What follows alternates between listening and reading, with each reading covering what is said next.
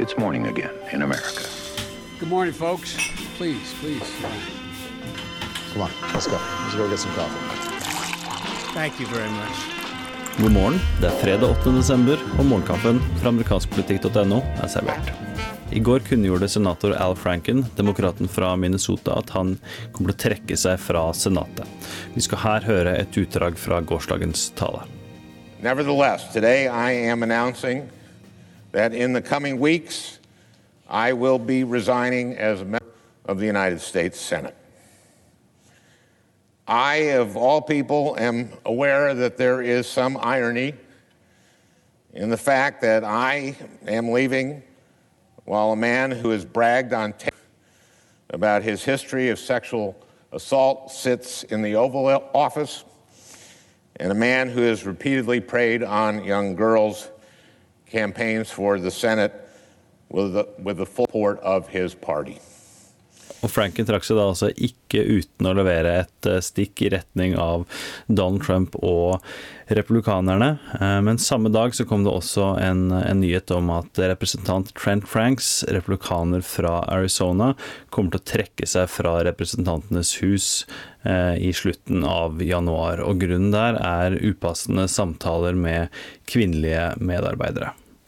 Det rapporteres samtidig om at det kommer til å komme langt flere eh, avsløringer om både senatorer og kongressmenn i tiden framover, så det er eh, bare å følge med. Og vår egen Jon Henrik Gilhus, valganalytiker på amerikanskpolitikk.no, står klar til å analysere hva alt dette betyr, med tanke på spesialvalg, potensielle kandidater til å erstatte de som trekker seg, osv.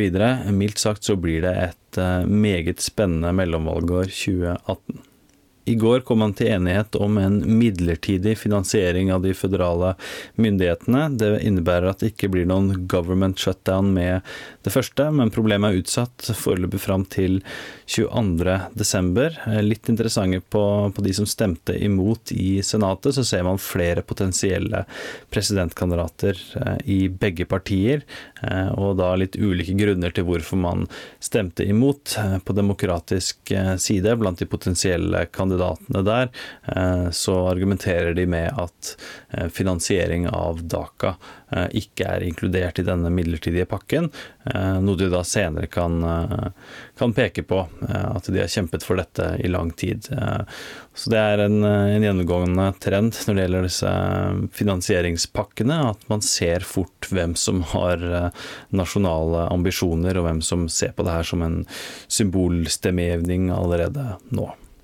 Dagens utgave av Morgenkaffen er servert av Lene Marita Berg Herman og undertegnede Are Togflaten. Du leser mer om disse og andre saker på amerikanskpolitikk.no. Du finner Morgenkaffen i Spotify, iTunes og andre podkast-apper sammen med Ampolkast. Håper du har fått med deg spesialutgaven vår der jeg intervjuet Luke Harding om hans bestselger 'Sammensvergelse'. Eh, du har da muligheten til å vinne et signert eksemplar av den boka dersom du hører på den eh, episoden. Hyggelig om du gjør det. Vi skal her høre litt mer fra Al Franken. God helg, og så snakkes vi på mandag.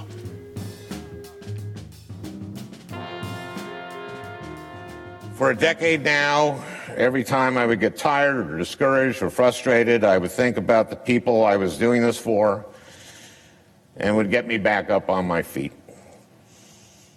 I know the same will be true for everyone who decides to pursue a politics that is about improving people's lives. And I hope you know that I will be fighting alongside you every step of the way.